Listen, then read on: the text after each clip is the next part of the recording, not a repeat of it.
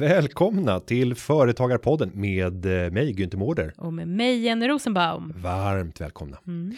Eh, Idag kommer vi att tala om eh, bland annat RUT och ROT-avdraget och vad som har hänt här efter årsskiftet och lite grann kring politiken som där nu förs. Mm. Ganska het debatt ändå. Absolut, och sen kommer vi även ta upp fackets fräcka metoder och blockad och få en Ja. diskussion om en aktuell händelse som i alla fall väcker lite anstöt hos mig. Ja, precis. Och sen så kommer vi ta upp lite tokigheter i hisspitchen. Någon konstig klubb som man kanske kan få vara med i om man är extra Om fin. man är riktigt fin. Om man är extra och, fin i kanten. Och har det riktigt bra ställt. Precis. Så är det här en klubb för dig. En förnäm klubb. En mycket förnäm klubb, Mm. en underbar affärsidé tycker jag. Vi får Mm. se vad John Dinkelspiel tycker. Mm. Sen har vi den här eviga frågan som är alltid aktuell. Hur ska man plocka ut pengar ur sitt bolag? Lön versus utdelning, Mm. vad är mest fördelaktigt? Ja, precis. Och vi kommer naturligtvis att prata lite avdrag och lite försäkringar. Alltid lite, och ja. massa annat. Och lite avtal. Lite mysigt. Och sen hoppas jag även att vi kan förklara hur en robot kan ersätta en eh, vältränad eh, José. José. Eller en Alejandro. I dessa eh, mellotider så säger vi nu, Nu kör vi! vi! Vi kastar oss in i rot och rutvärlden. Mm. Rot och rutavdraget har ju kommit till tack vare att, eh, eller på grund av att vi har en väldigt hög beskattning av eh, arbete i Sverige. Det stämmer. Och det slår ju särskilt hårt mot de allra enklaste arbetena eftersom vi får väldigt höga kostnader för att köpa relativt sett enkla tjänster. Mm.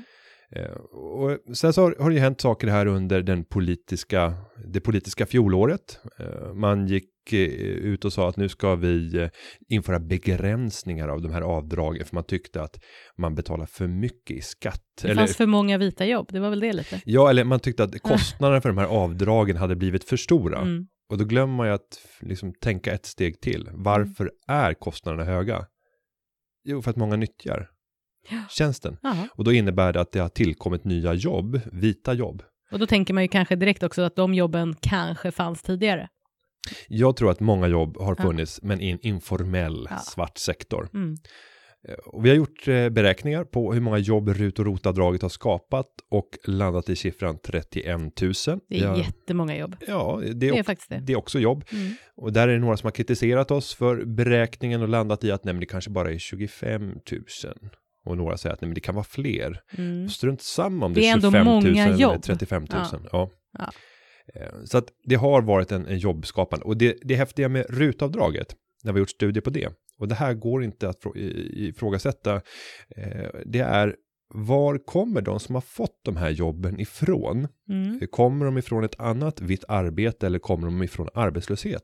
Och då visar, att, eh, visar det sig att hälften kommer direkt från arbetslöshet. Det är ju fantastiskt. Ja, då är värdet ännu högre Det eftersom det, det. är en samhällsbelastning där vi måste via våra transfereringssystem betala ut bidrag till de här personerna som inte har ett arbete och de effekter det får på individen som inte har ett arbete. Men det finns också lite missuppfattningar när det gäller de här avdragen. Innan det så kanske vi ska berätta om förändringarna som skedde vid årsskiftet. Mm. En stor förändring har ju varit att det är så att man max kan dra av 30 procent av arbetskostnaderna när det gäller ROT och max 50 procent när det gäller RUT. Och det är ju som det var förut Mm. när det gäller eh, RUT. Precis. Eh, Men sen har man även dragit ner beloppet som du får göra avdrag för Ja. RUT. Precis, att nu, förut var det ju då 50 000 kronor per år och person när det gäller RUT och nu är det ju då 25 000 kronor eh, per år och person om man är under 65. Eh, om man är över 65 år så är det fortfarande 50 000. Men, men en bra sak att ta upp i det här är väl att det är eh, 50 000 kronor totalt, alltså totalt för både RUT och ROT. Och det här är väl en vanlig det här missuppfattning. Är en missuppfattning tror Ja. jag. Många tänker nog att det här är två helt olika Hundra lakan. Ja, och idag då kanske 75. Mm. Ja. Att det skulle vara. Ja. Men, men, men så är det ju inte. Utan ROT och RUT är samma pott. Så tänk om om ni ska renovera ett kök. Ja, för det kan ju Och vara. samtidigt städa Ja, det. det, kan ju vara så att man, Ja. man köper ett, eh, ett nytt hus. Eh, och det här kommer göra att man kommer behöva jobba mer för att finansiera det här. Och då inser man att jag måste köpa in tjänster för att klara av eh, mitt liv nu. Och då måste jag ha städning Mm. eh, för att kunna frigöra tid. Och då gör man renoveringen av sitt nyköpta hus för att kunna bo där. Och då har man bränt hela rotavdraget. Precis. Och då kan man inte nyttja RUT. Exakt. Och det här, eh, det blir ju lite konstigt då när man halverar summan på det ena, på RUT, och inte på det andra. Men det är handlar väl om värderingar? Det ja, det? ja, och det, är- det ena är ju typiskt eh, manligt och Mm. det andra är typiskt kvinnligt. Tyvärr ska jag säga att det finns den typen av, av uppdelningar fortfarande. Mm. Och, så halverar man avdragen man får göra på den delen där vi ser att kvinnors företagande Mm. är, är dominant. Och nej, Ja, nej, det är lite tokigt där. Men, men åter till ehm, några ändringar. En ändring som jag tyckte var väldigt intressant när jag läste här på Skatteverkets hemsida, bland annat har de ju bra fakta om, om RUT och ROT.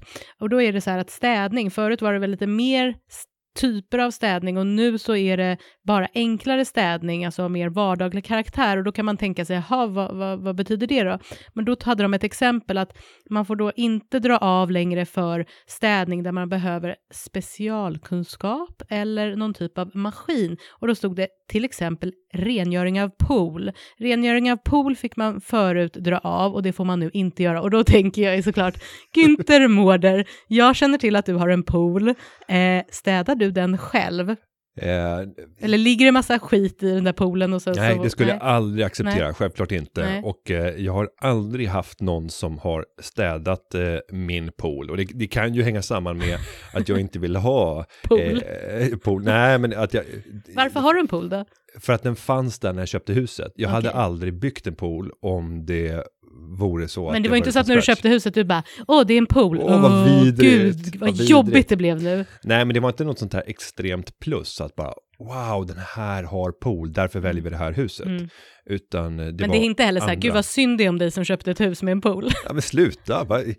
klart man ska få, Men hoppar du man i måste den- kunna tvätta sig. Hoppar du i den här poolen precis uppvärmd och liksom med någon typ av eh, så här sil som man ser fångar upp flugor och plankton? Nej, inte plankton. Nej, men först så tänker jag så här, varför har jag inte tagit in en, en eh, pool, oftast så säger man så här poolpojke, en för att du är så poolkille. rädd, för det är alltid någon snygging. Eller så, hur? Så, du har ju en fru för fasiken. José som Ja. kommer med bar överkropp, vältränad och bara står med hoven och Precis. hovar in de här Konkurrerar löven. ut dig. Ja. Så bara, jag vill inte att, eh, jag vill inte ha någon sån hemma hos mig. Nej. Nej. utan jag har ju en eh, poolrobot. Mm. Och just det här med robot, vi kommer få se hur robotiseringen äter upp allt fler jobb. Mm. Och det Framförallt ske... inom RUT i så fall kan man Ja, ju tänka sig. Det, kommer ske inom, inom alla Mm, sektorer. Mm. och särskilt i Sverige eftersom arbetskraftskostnaderna är relativt höga. Vi betalar mycket skatt på arbete. Ja, då är det mer lönsamt i Sverige än i många andra länder att börja gå över till robotar. Mm. Så att eh, även om en sån här robot, nu kostar inte den så mycket, jag tror att den ligger på 7000 och vi fick den med köpet av Det var det jag huset. tänkte säga, att, att Jag du skulle köpa en robot för 7000 när du kan hoppa i själv och Ja, i pluret. nej så att jag hovar ytan Ja. och sen kör jag roboten som åker på botten och på kanterna och Mm. gör rent. Blir det rent då? Ja, det blir jätterent. Ja. Det- är bättre, skulle Ja. jag säga, En José. än José. För Ja. José skulle komma kanske en gång i veckan. Och, och, om man verkligen skulle göra rent. Oj. Jo, men om man ska ha en ren pool, då måste han komma en gång i veckan. Eh, men poolroboten kör jag kanske tre gånger i veckan. Mm. Det är bara att kasta i och trycka Mm. på on Mm. och så kör den. Ehm, Gud vad du kommer bli ledsen när den går sönder. Ja, det kommer vara jobbigt. ja, kommer Jag vet vara när jag bara skulle köpa en ny filterpåse och Ja. fick betala tror jag 600 kronor. Ja. Det är Oh. sved Ja, något. Men du innerligt. tänkte ändå på den Men jag hittade ändå den billigaste filterpåsen Mm, eh, nere hos en företagare i Kungsbacka. Så letar ni efter pooltillbehör, Mm. leta i Kungsbacka. Mm.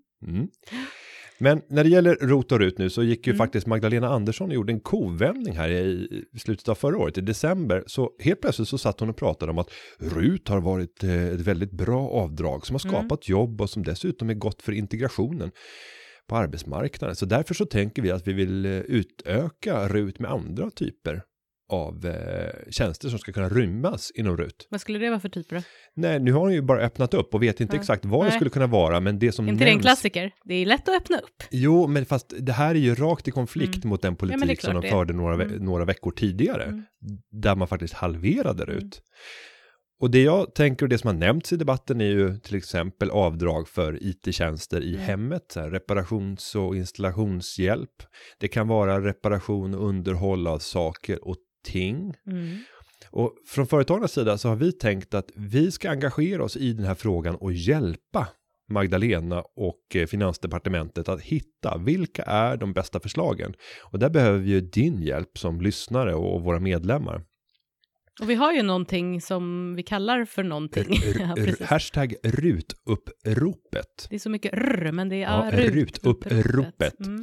Eh, Där kan man via sociala medier skicka in förslag på saker som man tycker borde integreras i rutavdraget. Mm. Och vi har lagt upp speciella delar på vår hemsida och på Facebook där vi kan eh, samla alla de här förslagen. Sen är meningen att vi ska ställa samman det och skicka över till Finansdepartementet och även göra en egen bedömning av lite effekter av Mm. respektive förslag.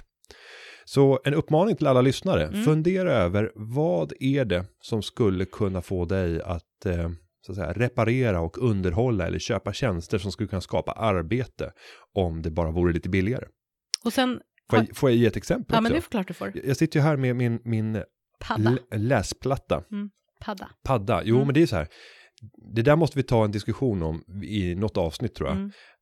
Eh, När enskilda företag lyckas släppa en produkt vars produktnamn Mm. bildar norm Mm. för alla produkter Mm. inom sin kategori. Det är så Typ coolt. så här tops. Ja.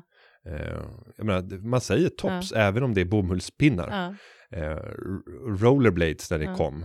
Så var det ju ett märke, det var Ja. ju inlines. Men i det här Padda fallet så är det, en, är det en läsplatta. Mm. Och då har jag en spricka i hörnet på den här. Mm. Och där skär jag mig för att jag har tappat den i, i, i golvet. Mm. Och skulle jag byta det här glaset. Det är därför du sitter där med alldeles blodiga Ja, ja, fingertoppar. det bara här- droppar. Så jag kan knappt läsa den här.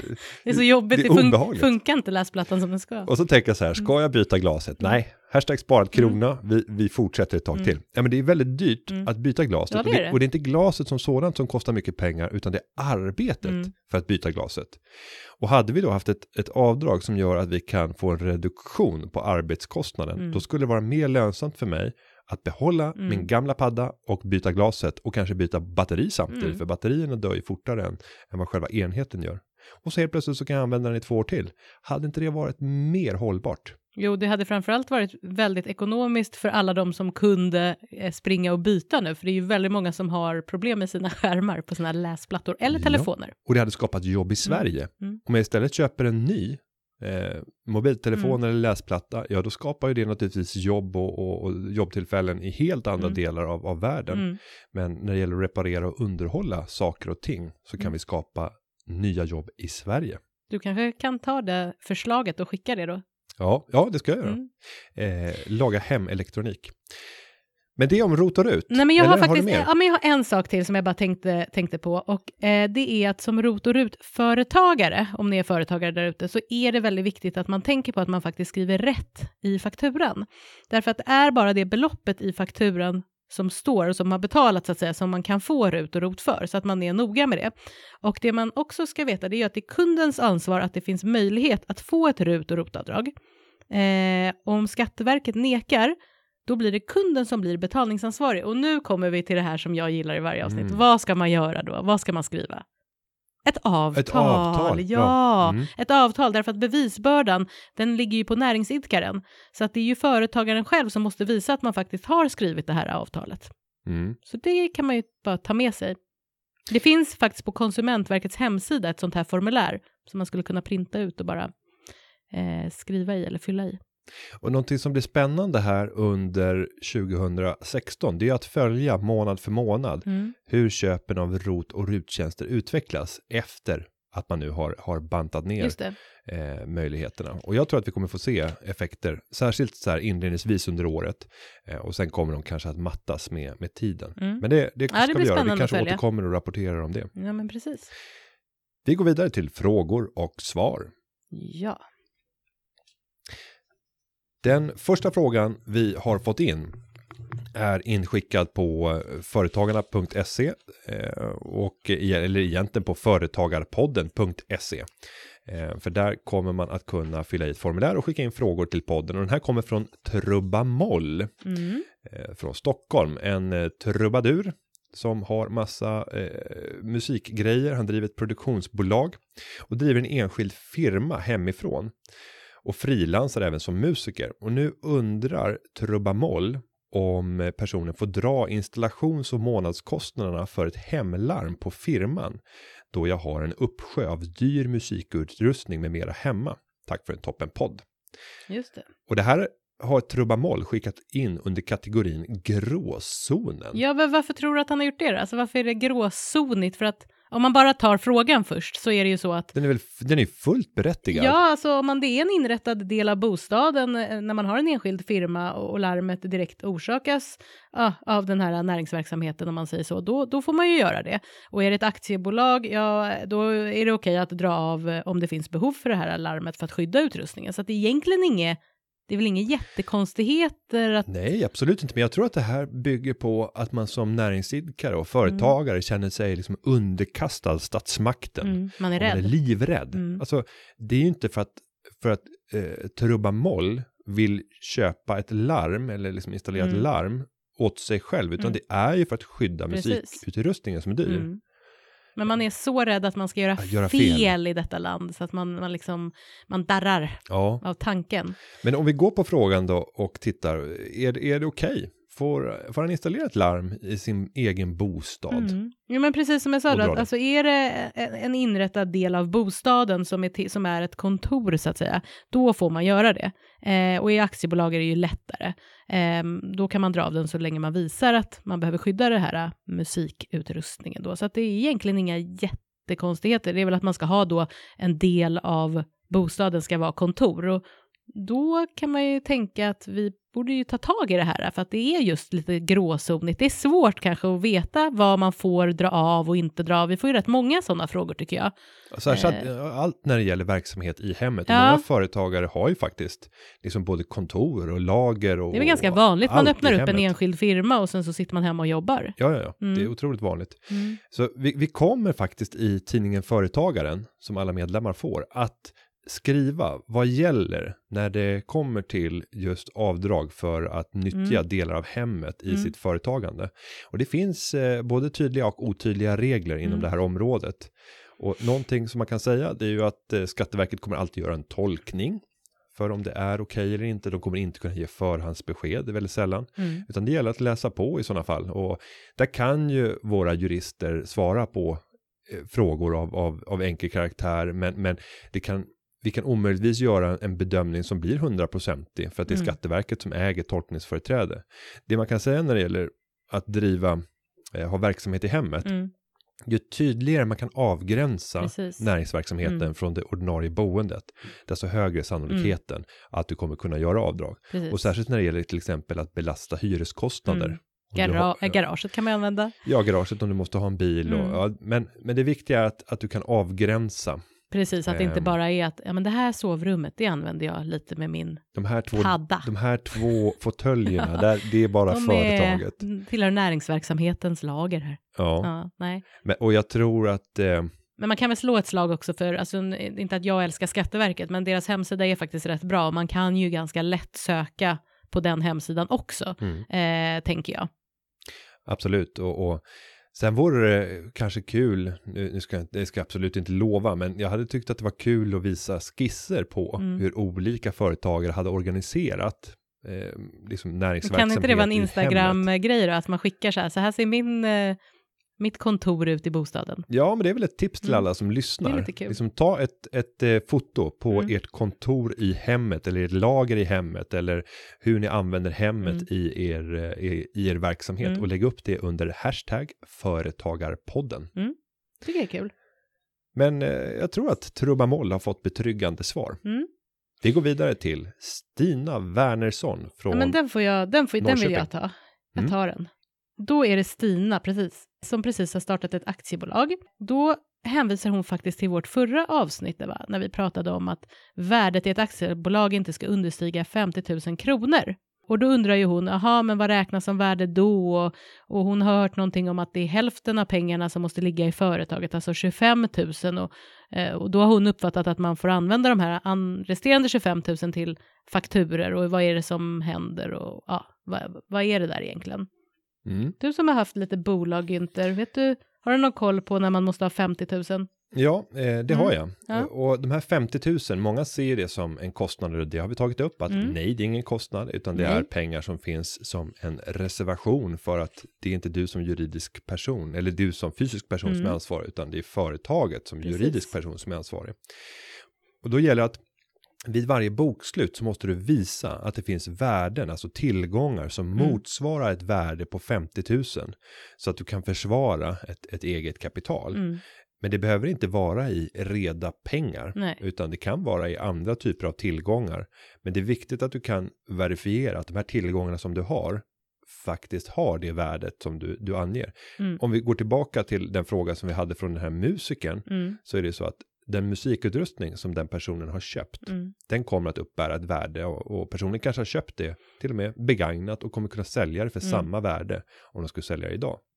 Ja, då kan man ta upp det till det fulla. Då ska man ha en revisor antar jag som också kan garantera på något sätt att Ja. eh, det var värt det här.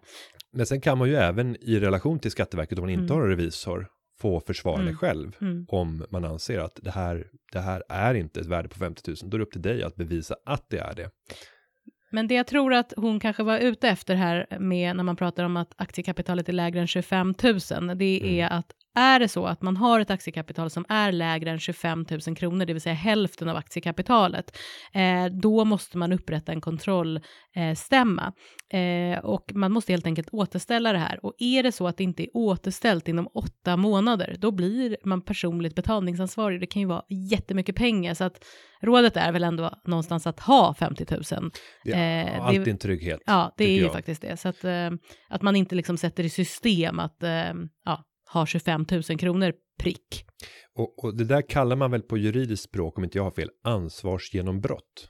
Är det inte så? Ja, Nu, det vet jag faktiskt inte. Nej, Men, men jag, jag tror att det är det. Och, och att Ansvarsgenombrott, ja kanske. när, när man går från att eh, det är den juridiska eh, personen, Mm. företaget, och sen så har du gått under den kritiska gränsen 25 000. Du menar när man blir personligt ansvarig? Ja, Mm. och då, då blir det ett ansvarsgenombrott eh, och det går det över till den fysiska personen. Och den fysiska personen, det är ju de som sitter i styrelsen då, Ja, som också precis. får ansvaret. Mm. Så det kan ju vara så att man har flera personer som inte Mm. alls är kopplade till verksamheten, men som sitter i styrelsen, som får ett ansvar. Det här är ju många som är livrädda för Ja. när man sitter i, i, I olika styrelser eller? i styrelseuppdrag. Mm. ja. Man sitter i så här 20 styrelser, ingen koll. Nej. Det är inte bra. Och, och sen så kan ledningen ha fullt tolkningsföreträde och liksom föra styrelsen bakom ljuset. Men styrelsen har alltid ett ansvar Mm. att säkerställa att man inte är på obestånd. Så att eh, Ja, så att det var nog det vi tänker på, eller som jag tror att Stina tänkte på när det gäller de där 25 000 i alla fall. Men ehm, mm, vi går vidare. det gör vi. Jag vill också ta upp två personer som har skickat glada tillrop. Mm. Eh, Och det ena är Jonas Nordin på Gubb-Jonas på Twitter och den andra är Chekhov som heter Johan Andersson på Twitter. Båda är glada, den ena står i Vallaboden och bara njuter av Företagarpodden och det är vi jätteglada över. Och Johan Andersson säger lyssna på Företagarpodden med bland annat Günther Mårder, med bland annat. Ja, men bland annat. Jag, Bland jag, annat. Kan inte jag få, kan inte någon nämna Med mig? bland annat Jenny. Men kan inte någon nämna bara mig också någon gång? Jo, Mm. Jo, Eh, säger du. jag ska göra det. ja, tack. Och jag vill banne mig Mm. bli stödmedlem hos Företagarna. Mm. Grym podd med grymt innehåll. Och eh, Johan, då har vi faktiskt Mm. löst det så Mm. att du kommer att kunna få bli stödmedlem. Alltså snällt. Ja, vi öppnar upp för att ta emot ett antal ytterligare stödmedlemmar i Företagarna. Ja. Eh, Så gå in på företagarna.se och klicka på Bli bli, en av medlem. Precis, så har bli vi en av flik dem. som heter stödmedlem. Mm. Kostar 450 kronor. Kan det vara värt? Det kan det vara värt. Mm. Mm. Vi går vidare. Det gör vi. Då har det blivit dags för hisspitchen igen. Och med mig har jag Jan Dinkelspiel. Denna superentreprenör, investerare, To drake to be. To be. Ja. Nu, och jag sa i tidigare avsnitt att jag skulle komma med en egen affärsidé och det har jag nu. Så nu ska du få i Ska all, jag få dissa dig? ja, all positiv Alternativt anda hissa. försöka hissa mig. Och den här är lite obehaglig för att jag förväntar mig att kunna få, och jag, jag kan redan nu säga att jag tänker inte starta den här så alla är varmt välkomna att bara ta den. Och den här kan skapa mycket negativ media. Spännande. Mm. Företagsidén kallar jag för The Triple A Club. Jag tror, tycker du ska byta namn på din idé. Ja, men trippel A-klubben eller supermänniskoklubben. Det jag är ute efter, det är att samla alla människor som utifrån ett riskperspektiv eller antagande om framtida utveckling har en väldigt ljus framtid. Och det kan man ju beräkna. Har du en utbildning som är hög och attraktiv? Har du redan idag en lön som är hög? Har du finansiella besparingar? Hur ser din hälsa ut? Och så samlar man de människorna som har de högsta värdena som ett försäkringsbolag skulle kunna betrakta eh, och samlar dem i en klubb Mm. där du ska uppfylla kriterier. Mm. Sen tar du de, den här gruppen som ett kollektiv och börjar gå och förhandla. Eh, Du förhandlar om bilförsäkringen, du förhandlar om bolånet, du förhandlar om telefonabonnemang, kanske inte lika stor mening där, men elpriser.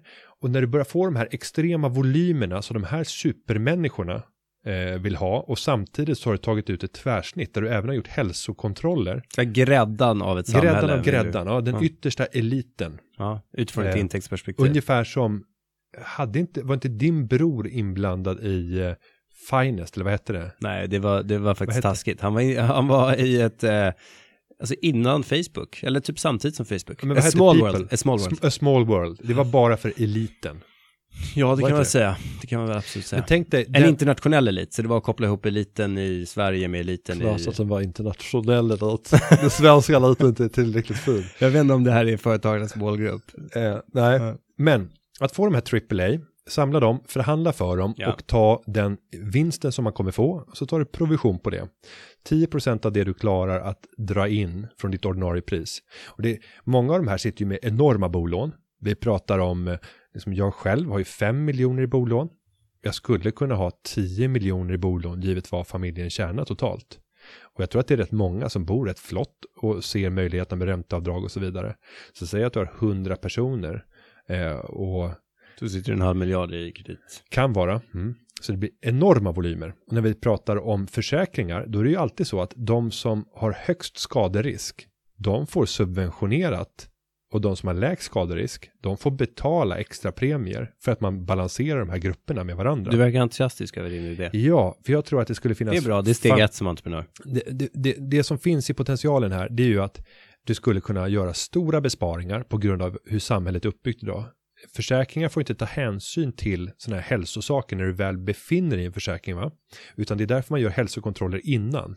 Och där ska jag bli lite arg på min förra arbetsgivare. Och du menar utifrån ett bilförsäkringsperspektiv, då sitter den här gruppen på en fin bilpark, så att Ja, ja, ja. Och det blir ändå skaderisken, dyra premier. ja, och skaderisken tror jag är lägre i den här gruppen. Tror du? Ja, det tror jag. Jag är inte säker på det. Repade bilar, repade Porsche ja, Cayennes på stan. Kör och där. snabbt och kör över fattiga människor vid övergångsställen. Alltså, du är så olämplig ibland. Ja. Eh, nej, nej, men du, för, du förstår grundkonceptet. Eh, att förhandla för eliten. Ja, Och det här är ska ju jag något- såga det eller hissa eller Nej, vill, du, ja, vill du ens ha feedback? Ja, och snart. förslag? Och du kan ju tänka dig vilken media man skulle få på det här. Man skulle ju målas upp som någon form av jordens avskum som bara vill gynna de starka och slå på de svaga. Alltså du kan ju bygga en sån retorik som gör att du får extremt mycket medialt genomslag. Eh, och att det här är orättvist att det har startats. Och, och därmed så får du ännu fler som blir intresserade av att tillhöra The Triple A Club. Japp. Skulle du, ska du och jag bli chefsförhandlare för den här klubben? Jag tror att du ska bli det. Mm. Ehm, jag är inte säker på att... ehm, alltså jag tror att du tillhör den här liksom unika kategorin som både tjänar bra, är förmögen och också vid, vrider och vänder på varenda krona och eh, liksom fortsatt, du liksom försöker ta dig in var du än kan göra en bra deal så vill du ta, in, ta dig in där. korrekt. Jag tror att jag tror att rätt många i den här kategorin som du pratar om inte vill tillhöra det här liksom kollektivet. Att man vill vara individualist och att man inte lägger tid och energi på den här typen av aktiviteter. Alltså att lägga, liksom vara med i en klubb och du ska gruppupphandla och då ska du sitta och hålla koll på den gruppupphandlingen och Men vad är kredit i den här gruppen då? Hade man kunnat göra någon pin med tre A? Nej, jag tror att du är ute och cyklar där. Liksom, jag tror så här, du vill inte ha samma pin som... som som Göteborg. Som bekräftar att här sitter jag, jag sitter och gruppupphandlar tillsammans Ja. med mina gnidna vänner, utan eh, det, det är någonting i det som, alltså den här målgruppen vill vara individualistiskt och påläst och göra sina egna saker och inte vara en del av ett kollektiv. Det är det som men- jag blir skeptisk till. Men samtidigt så är det här en grupp som men vill spara tid. Ja, och slippa bry sig om det här. Och om du bara eh, får reda på att de här, om du går med i AAA Club och du uppfyller alla kraven, du, du behöver inte förhandla de här 30 grejerna. Kryssa bara i vad du vill få, få förhandlat. Sen kan du säga ja eller nej till det. Vi, du får en, en digital lista sen och bara säga ja, byt, byt inte. jag, byt, jag tror på allting som är byt. lite mer av en, en standardprodukt. Bolån är väl jättebra. Mm. Liksom, eh, här, är, här, är, här, är en, eh, här har en, en eh, mäklare värderat bostaden. Sjukvårdsförsäkringar, Sjukvårdsförsäkringar är jättebra lågintresseprodukt men som kostar mycket och svåra att genomtränga. Jättedyra. Ehm, Bilförsäkringar är ju en sån. ja. Eh, telefonabonnemang och sånt där, lite för hög individuell anpassning. Det är för lite besparingar också. Ja, det ligger ofta el. och så ligger det på företaget och allt sånt där. Ja. Eh, eh, resor, nej. Sen kan man ju säkert börja förhandla sådana saker också. Och säga att nej men AAA Club, du vill ha dem. Bilhandlare, köpa bilar. Ja, men att du börjar få förmånserbjudanden och att du säger att eh, ja, men ni har alltid 15% rabatt på Ving om det är på premiumresorna. Mm. För att vi vill att de här människorna ska vara på våra anläggningar. För vi tror dessutom att de är statusbärare. Det är någonting med det här med att, sva, alltså, att, att när du gör någonting, liksom att svagt kollektiv, ta kollektivavtalen, Mm. om du säger på arbetarna, men de är svaga, och då gruppupphandlar vi och så, så går man tillsammans hela LO och så, så blir allting där en stor, stor, Och där är stor frid grupp. och fröjd och man sjunger Frid och kampsånger. Och, Frid och fröjd. men det är väldigt sällan man hör den andra sidan. Arbeta Nej, men där är ensam, där kan man ju liksom, om, om, vi, om, vi, löner. om vi gör en schablon av det så kan man ju säga att där är ensam är svag. Ja. I, I den här kategorin som du pratar om så är ensam ganska stark ändå. Och det är därför som nyttan av den här typen av aktivitet, den här typen av klubb går ner. Eh, och det är det som jag tror blir din stora utmaning i den här idén. Så att jag skulle inte investera i den här idén. Men utmaningen, eller så här, ja, jag behöver inte dig. Du behöver inte investera i mig. Nej men så här, ja men nu går jag till banken så kommer mitt bolån vara tillräckligt stort i alla fall. Så jag vet att jag kommer ligga på räntenivåer som är Ja, men du, jag vet ju sedan tidigare från, från eh, eh, vår förra värld tillsammans Ja. att du har helt värdelösa villkor Men det är för att jag har bolånen. bundet. Ja. Liksom under, Har den bundna räntan på helt ofattbara, vad var det? 2, nej, alltså mycket högre. säg igen, Jag, säg igen. jag band ju en helt annan räntemiljö. Jag ligger på 4% tror jag. Men är det över än? Nej, nästa år. Nästa blir år? det fest. Alltså, Under vi må- vi förutsättning måste att fira. räntemiljön är fortsatt låg. Vi måste fira. Ja. Och då kommer ju räntan ha dragit iväg, så då är den 4 procent igen. Sannolikt kommer den rörliga räntan ligga på samma Och nivå. vad har du fått lära dig av mig? Att binda aldrig räntan Nej. om du kan betala den rörliga. Just det. Men alltid lägga undan en buffert för att klara extremränteläge. Eller så låter du bara leva vidare i festen och fortsätta gå på krogen. Ja, och Ja. bara njuta i nuet. Yes. Nej, men skillnaden med den här affärsidén, det är ju att den inte tarvlar några, några resurser. Du kan ju till och med börja med några vänner och bara sätta igång. Det är Ja. bara att testa och förhandla Ja. och sen säga att jag tar en liten provision på det här. Exakt. Jag ser vad jag kan förhandla fram åt dig. Ja. Så för dig som är en skicklig förhandlare, det finns mycket affärer att göra och de bara väntar på dig där ute. Ut, starta företag, tjäna pengar. Yes. Vi kommer tillbaka. Vi har Allan från Göteborg som har skickat in en fråga på SE. och eh, den heter bli, den är under kategorin bli underbart förmögen. Mm.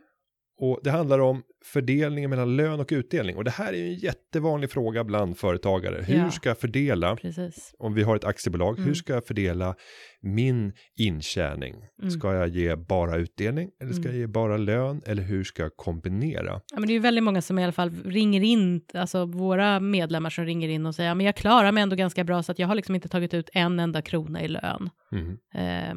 Om man utsätter sig kan man Mm. säga då för enorma risker. verkligen, för problemet blir ju om du till exempel blir sjuk, Mm. vilket eh, kan hända, men även om du eh, ska tänka dig att vara föräldraledig, Mhm. då är det ju så att då kollar ju Försäkringskassan på den sjukpenninggrundande inkomsten och har du inte haft någon inkomst då, nej, då är det ju liksom väldigt dålig eh, utbetalning som du kommer få från Försäkringskassan. Och, och tar du inte ut någon lön, Mm. då kommer du heller inte få några inbetalningar till den allmänna pensionen. Exakt. Så att det får många effekter Väldigt många att konsekvenser. inte ta ut någon Mm. lön. Så därför är väl vår rekommendation att du ska försöka leta efter en kombination Mm. av lön och utdelning för att kunna maximera uttaget från ditt bolag. Och vill man ligga på, vet du vad det ligger på? Alltså om man vill ligga på en lön som täcker upp full, alltså som blir full pensionsgrundande inkomst och även max för om du blir sjukskriven, för de har ju ett tak där, Mm. du vet, eh, Försäkringskassan. Vet du ungefär vad man ska ta ut då som företagare? Den gränsen går strax under 40 000. Ja, men det Så att, stämmer. eh, tar man ut 40 000 eh, ungefär, då, Mm. då vet man. Och den där Mm. gränsen förändras ju varje år. Ja, man får ju, kan ju Eh, gå in och kolla då. Ja, men just nu så är det strax Mm. under, under Mm. 40 000. Mm. Så tar du ut 40 000 i lön, om du har det så gott ställt. Ja, man kan göra det såklart. Det är ja. en otrolig lyx. Mm. Men om du hade möjlighet att plocka ut 60 000 i lön för att firman går så bra, Mm. eh, så hade min, min, mitt råd ändå varit att nej, men stanna på 40 000 Mm. och sen så tar du resterande del i utdelning. Sen kan man ju tänka sig också när du nämnde pension där, att man kan ju också löneväxla så att man kan betala in mera i pension och då får man ju betala eh, max 35 procent av lönen kan man ju eh, göra alltså extra pensionsinsättningar. Det kan ju också vara en tanke istället för då uttag eller lön. Eller Ja, man och om man ska för, förklara logiken i Mm. varför det är intressant att, att löneväxla och, Mm. och växla över lön till pension, det är ju att då kan man säga att vi, vi konserverar den lön som vi skulle fått utbetald till ett senare tillfälle Mm. och då slipper vi betala skatt Mm. på de pengarna. Så att särskilt för de som har höga inkomster och Mm. betalar statlig inkomstskatt så kan det vara gynnsamt att löneväxla för att sen i ett senare skede i livet när man Mm. pensioneras och det kan du börja ta ut redan vid 55 år som reglerna ser ut idag. Man pratar från politiskt håll om att man borde höja den Mm. där för det gör att många kanske kan gå i pension tidigare än Mm. man vill. Och vi behöver jobba länge i Ja. Sverige. Så att, eh, och, och det Mm. gör ju då att har man avvarat pengar idag så, så kan du plocka ut dem i ett senare skede när du kommer tjäna mindre pengar och därmed betala lägre skatt. Någonting som talar emot det däremot, det är att vi i framtiden kommer att, eh, som jag ser det, Mm. betala högre skatt. Och det säger jag mot bakgrund av att Kan man betala högre skatt tänker jag? Ja, det räcker med att vi åker över till vårt grannland Norge och Mm. Danmark har också exempel på där man betalar högre skatt inom vissa olika inkomstslag. Mm. Men jag tänker så här att Sverige står inför stora utmaningar Mm. när vi har ett system som är väldigt generöst, ett välfärdssystem som är generöst. Om vi blickar in i framtiden så kommer det enligt mitt sätt att se det just nu att vara ännu högre belastningar på det här systemet. Eh, Vi kommer dels ha en demografisk förändring. Allt fler kommer vara äldre och de kommer vara äldre längre och pensioneras de vid samma ålder som de gör idag. eh, Nu kommer den visserligen att höjas successivt så kommer vi att behöva betala mer för vår äldre befolkning. Dessutom så har vi många som idag står utanför arbetsmarknaden. Vi har haft en stor invandring. Vi vet att det i genomsnitt historiskt har tagit mellan 7 och 8 år för hälften av de som har kommit till Sverige att etablera sig på arbetsmarknaden. Mm. Det betyder att alla som har kommit hit som är över 40 år kommer ha väldigt liten möjlighet att bidra Mm. till samhället eftersom det kommer dröja tills de är 48 år om vi ska tro på de historiska Mm. snittsiffrorna. Jag tror att de kommer bli väsentligt längre. Mm. Och då är det svårt att liksom slå sig in på arbetsmarknaden. Ja, och även om det nu. bara är hälften som bidrar med att arbeta och generera skattekronor Mm. så betyder det att den andra hälften inte gör det. Och givet det välfärds välfärdssystem som vi har idag så kommer utbetalningar vara större än inbetalningar om vi tittar på den Mm. isolerade gruppen. Vad, vad är liksom din eh, konklusion av detta? Vi kommer få se successiva skattehöjningar på Mm. kommunal nivå och Mm. även på statlig nivå.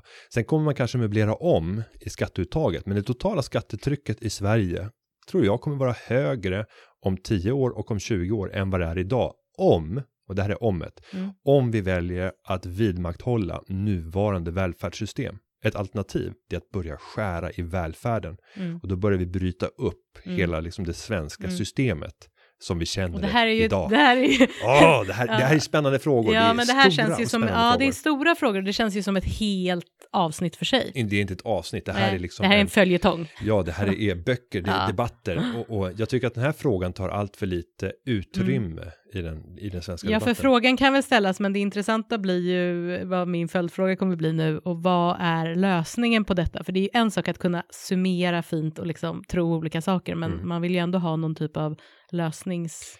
Ja, men det, det är ju ett val vi får Ja, göra. mm. Vill vi ha nuvarande välfärdssystem Mm. så är svaret då måste vi öka skattetrycket. Och sen får vi titta på vilka konsekvenser får det på drivkrafter och på rörlighet och, Mm. och vad kommer hända i samhället. Eller så säger vi att vi skär i välfärden. Vilka konsekvenser får det? Mm. Och då bygger vi upp ett annat samhälle. Och där kan vi resonera om vilka konsekvenser, möjligheter, hot, risker som, som respektive Mm. alternativ föder. Men det gör vi inte. Nej, det, det får vi nog ta i något annat avsnitt, för det, det, jag känner det på mig. Det kan bli långt. Och nu vidare till eh, en fråga eller kommentarer och eh, där man vill veta hur vi ställer oss från eh, två personer. Johan Sundqvist, Sunkhino på Twitter och Mattias från Malmö har skickat in två snarlika frågor Mm. som handlar om fackets metoder gentemot två stycken bagerier och då särskilt ett eh, bageri i Västra Haninge som heter Paus bagarstuga. Mm. Och jag vet att du har mer bakgrund i det här fallet. Vad är det egentligen som har hänt här? Ja, alltså väldigt kortfattat så är det ju så att eh, eh, Livs då, eh, livsmedels, nu ska vi se här, vad är det de står för? Livsmedels... Ja, Livsmedelsarbetareförbundet. Ja, precis, men Livs säger vi. Eh, de vill helt enkelt teckna kollektivavtal med Paus bagarstuga eh, och de har tackat nej till detta helt enkelt. Och eh, därav den här stridsåtgärden blockad som det så fint heter. Livs har infört en blockad eh, sedan ett par dagar när vi spelar in det här. Och, och, och vad händer rent liksom fysiskt? Mm. En blockad? Ja, har de precis. murat igen Det ingången precis, de har blockerat, de har faktiskt kan, kan man säga blockerat ingången. För att eh, det är ju så att det står nu tre personer tror jag med färgsprakande glada orangea eller kanske gula västar eh, utanför det här bageriet och delar ut flygblad och du har ett sånt flygblad, du kan väl läsa Då vad tänker jag står- så här, har inte de något jobb Mm, som måste skötas? Jo men det här, ja precis. vad de står något det? Vad står det på det där? Bara lite kortfattat. På, Jo, det- då har de skrivit med stor text här. Ja. Paus bagarstuga vägrar teckna kollektivavtal med rättvisa löner och schyssta arbetsvillkor. Mm. Blockad för schyssta villkor. Och sen så står det då en, en lång text här om hur förfärliga det här, Ja. eh, det, det här är. företaget skulle Mm. vara. Och eh, jag tror att eh, de har lite egen eh, Ja, de har en egen agenda här. Det här är lite speciellt, Mm. för det här är ju faktiskt en medlem hos oss. Ja, precis. Det här är en medlem hos oss, hos Företagarna. Och eh, våran arbetsrättsspecialist eh, fick reda på det här då såklart och eh, åkte med ilfart ut till Västerhaninge. Kände blodsmak i munnen kanske. Precis, hon bara liksom precis blev den där lilla blodhunden som bara och hoppade dit. Mm. Skällde lite. Nej, men eh, skämt åsido, hon åkte faktiskt dit, hon har pratat med dem, hon har haft dialog med dem. Och det är ju så att eh, Eh, när man pratar om att de inte har schyssta villkor, ja alltså de, det här företaget är ett litet företag, få anställda, eh, en del familjemedlemmar som arbetar i det här företaget. De har tecknat eh, bland annat Fora, så att de har ju eh, försäkringar, pa- Pension. pensioner, eh, de betalar löner, marknadsmässiga löner och, och så vidare, men de betalar inte exakt enligt eh, vad Livs har krävt då. Ehm, och det som ska sägas också, det är ju att det finns inte ens någon medlem, eh, vilket gör... Ingen av de anställda är Nej, medlemmar. det fanns en medlem, men hon har hoppat av. ja. Hon var inte nöjd med Livs. Eh, Då hon, skulle man ju om man var så här konspiratorisk från fackligt håll så här, ja hon vågar inte, eller hon eller han Mm. ja, precis, vågar hon blev inte vara hotad kvar. av företaget. Nej, men alltså Ja. hon tyckte inte att det där var okej, så att de har inte ens någon medlem och då är det ju frågan om man ens kan ha en blockad. För att få ha en blockad måste man ha någon liten medlem i alla Ja, fall. vem företräder man? Man kan inte bara gå till vilket företag som helst. Nej, och ställa sig där utanför. Och sen så kan man ju ta upp frågan om eh, föreningsfriheten. För att de pratar ju det här flygbladet som du har framför dig så är det ju mycket så här, det är rättigheter i Sverige och ja, så. Men det är också så föreningsfriheten, friheten, alltså den eh, är ingen skyldighet att man måste som företag skriva på eh, ett sånt här kollektivavtal. Och då kan man ju se att två scenarios kommer hända här. Antingen så kommer de skriva på, företaget kommer bli, känna sig tvingade att skriva på så småningom. Alternativ två, företaget kommer gå i konkurs. Mm. Hur är det bra? Ja, hur för- är det bra för arbetstagarna? Ja, hur är det bra för det svenska ekonomin? och, och klimatet och man pratar, eh, ja, den här svenska modellen, eh, för den kan faktiskt vara väldigt bra, men kanske i de här sammanhangen, vad, vad vill man uppnå så att säga? Mm. Ja, men det är väl en, en maktutövning. Mm. Vi ska väl också säga att av våra 70 000 medlemmar så är det faktiskt 6 av 10 medlemmar som inte har kollektivavtal och andelen som inte har kollektivavtal har vuxit Mm. när vi tittar tillbaka på de senaste åren. Eh, Och det tror jag beror på att de här arbetsgivarna ser inte samma behov eller jag menar, ett kollektivavtal är ju till för att det ska underlätta relationen mellan arbetstagare och arbetsgivare och Mm. göra det enklare att eh, samarbeta mot det gemensamma målet att skapa värde åt, åt båda grupperna. Eh, men Ja, och sen kan man väl säga att alltså visst, alltså det finns ju kollektivavtal, alltså för den svenska modellen kan ju vara en bra grundtanke, lagen om anställningsskydd och så vidare, men, men eh, poängen som du kanske försöker säga, nej men det är väl att ett kollektivavtal är ju till då så för ett kollektiv och man ska eh, gemensamt eh, se till att alla har schyssta villkor, men man behöver ju idag inte ha kanske alltid ett kollektivavtal för att ändå uppnå de här eh, villkoren eller förhållanden, utan man kan ju på egen hand se till att sina anställda har det bra. Eh, och det är faktiskt många anställda som inte ens vill ha kollektivavtal. vill, Eh. vill du ha kollektivavtal? Jag erbjuder ju inte det här på företagen. Nej, nej, äh, ja. det hade varit mycket bättre för mig. Ja. Nej, men hade, alltså, det, hade det funnits någonting som du tror skulle kunna ha blivit bättre om, om jag på den här arbetsplatsen hade erbjudit kollektivavtal? För jag erbjuder ju Mm. fullt ut, jag menar, Mm. du har marknadsmässig lön, du Mm. har motsvarande tjänstepensionsvillkor Mm. som finns i, i motsvarande Ja men det är väl så här om man skulle vara då lite sådär, ja vissa röda dagar kanske man skulle, eh, eller vissa så här, man kanske skulle få en och en halv dag, visst det hade väl kanske varit schysst. Å andra sidan kanske andra saker hade varit reglerade som, som inte är reglerade idag. Friheten när det gäller pensionen, Ja precis. till exempel var du får placera den. Ja. Där är vi friare än om vi hade varit anslutna till Ja. kollektivavtal. Eller, ja, eller ar, vissa arbetstider, ibland är ju arbetstider väldigt eh, re- Reglerade. Alltså reglerade på, på det sättet som beskrivs i kollektivavtalen och så Mm. vidare. Men, eh, men visst, alltså det finns ju självklart saker i kollektivavtal som är väldigt förmånliga för arbetstagaren. Det ska man absolut inte sticka under stolen med. Mm. Men det är väl själva sättet att tvinga på ett företag ett kollektivavtal. Det är väl där själva eh, den stora frågan är att om man som ett eh, fackförbund ska kunna liksom med sin makt gå till ett litet företag eh, och, och i det här fallet sätta dem i blockad. Är, är det det som är tanken bakom eh, föreningsfriheten? Mm. Ja, det här, eh, vi, vi eh, lät även eh, Liselott, som Mm. är vår arbetsrättsspecialist, spela in en liten film och hon Precis. har lagt upp den filmen på företagarpodden.se. Så gå in där om ni vill se filmen. Precis, då kan ni få reda på lite mer, ja, fallet. exakt, lite mer vad som hände och, och om föreningsfrihet och så vidare. Men med det så tycker jag att vi sätter eh, paus, Mm. Kan vi väl säga. Snyggt. Lite fyndigt. Det var fyndigt. eh, för, för den här gången och vi ses igen nästa vecka. Så vi. vi. säger att den här podcasten har spelats in och klippts av Gustav Dalesjö. Hej då! Hej då!